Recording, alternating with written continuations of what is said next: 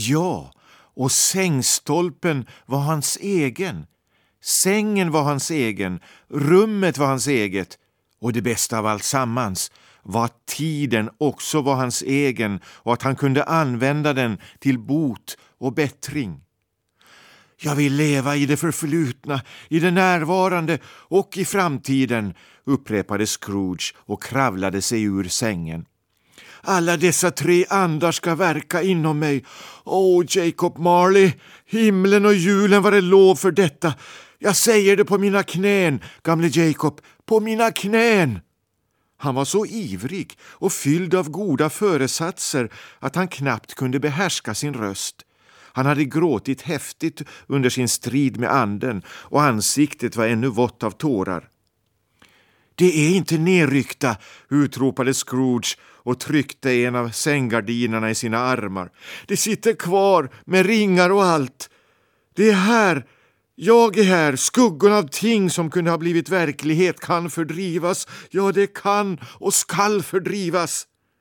Han plockade med sina klädesplagg, vände ut och in på dem, slängde dem omkring, drog i dem, kastade dem hit och dit och gjorde allt möjligt tokigt med dem. Jag vet verkligen inte vad jag ska ta mig till, utbrast Scrooge, skrattande och gråtande i samma andetag och trasslade in sig i sina strumpor. Jag är lätt som en fjäder, jag är lycklig som en ängel, jag är glad som en skolpojke, jag är yr som en drucken. Glad jul åt alla, gott nytt år till hela världen. Hallå där! Ohoj! Hallå! Han skyndade in i salen och stannade andfådd. Där står kastrullen med havresoppan, ropade Scrooge med nya krafter och sprang bort till spisen. Där är dörren som Jacob Marleys vålnad steg in igenom. I den där vrån satt den närvarande julens ande. Genom det där fönstret såg jag de vandrande andarna. Det är alldeles riktigt och sant allihop. Allt sammans har hänt. Det var ett härligt skratt, ett förbluffande skratt för att komma från en man som hade legat av sig i så många år. Det första i en lång rad av jublande skratt. Jag vet inte vilken dag det är, sa Scrooge. Jag vet inte hur länge jag har varit bland andarna. Jag vet ingenting. Jag är som ett nyfött barn. Men det gör detsamma. Alldeles detsamma. Jag är mycket gärna ett nyfött barn. Hallå! Ohoj! Hallå där! Hans glädjeutbrott dämpades en smula när kyrkklockorna började ringa. Det ringde gladare än han någonsin hade hört.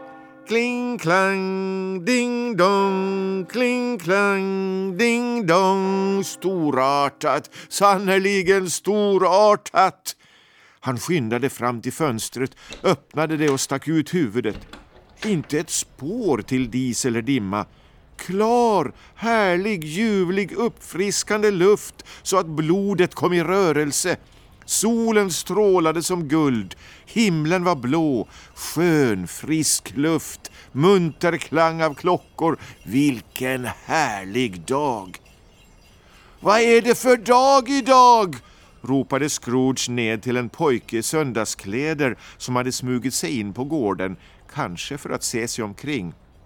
Va? Sa pojken med den största förvåning. Vad är det för dag idag, min gubbe lilla? sa Scrooge. Vad är det för dag? svarade pojken. Juldagen förstås. Det är juldagen, tänkte Scrooge. Jag har inte gått miste om den. Andarna har uträttat allt sammans på en natt. De kan göra vad de vill, naturligtvis, naturligtvis. Hallå, min gosse! Ja, svarade pojken. Känner du till viltaffären två kvarter härifrån? frågade Scrooge. Ja, visst, svarade pojken. En förståndig pojke, tänkte Scrooge. Vilken duktig pojke. Nå, vet du om de har sålt den stora kalkonen som hängde där? Inte den lilla kalkonen, utan den stora. Den där som var lika stor som jag? frågade pojken. En sån trevlig pojke, tänkte Scrooge. Det är verkligen ett nöje att tala med honom. Just den, min gubbe lille. Den hänger där fortfarande, svarade pojken. Jaså, sa Scrooge. Men spring och köp den då. Äh, Försök inte, ropade pojken. Det är mitt fulla allvar, sa Scrooge. Gå och köp den och be dem komma hit med den så ska jag säga vart den ska skickas.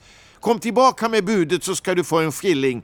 Eh, kom tillbaka med honom om fem minuter så ska du få en halv crown. Pojken bar iväg som ett skott. Den som kunde få iväg ett skott bara hälften så fort måste ha haft ett stadigt finger på avtryckaren. Jag ska skicka den till Bob Cratchit, mumlade Scrooge och gnuggade händerna, färdig att spricka av skratt. Han ska inte få veta var den kommer ifrån. Den är dubbelt så stor som lille Tim. Jag undrar faktiskt om någon någonsin har hittat på ett så gott skämt. Det var med en inre, fullt stadig hand han skrev adressen men i alla fall skrev han den och gick ned och öppnade porten för att ta emot budet från vilthandlaren. Medan han stod och väntade fick han ögonen på portklappen. Den här kommer jag att älska så länge jag lever, sa Scrooge och klappade den. Förr tittade jag knappt åt dem. Ett sådant ärligt uttryck den har. Det är faktiskt en märkvärdig portklapp. Men se här är kalkonen. Hallå, hej där! Hur står det till? Eh, god jul! Det var sannerligen en kalkon. Den fågeln kunde nog inte ha stått på sina egna ben.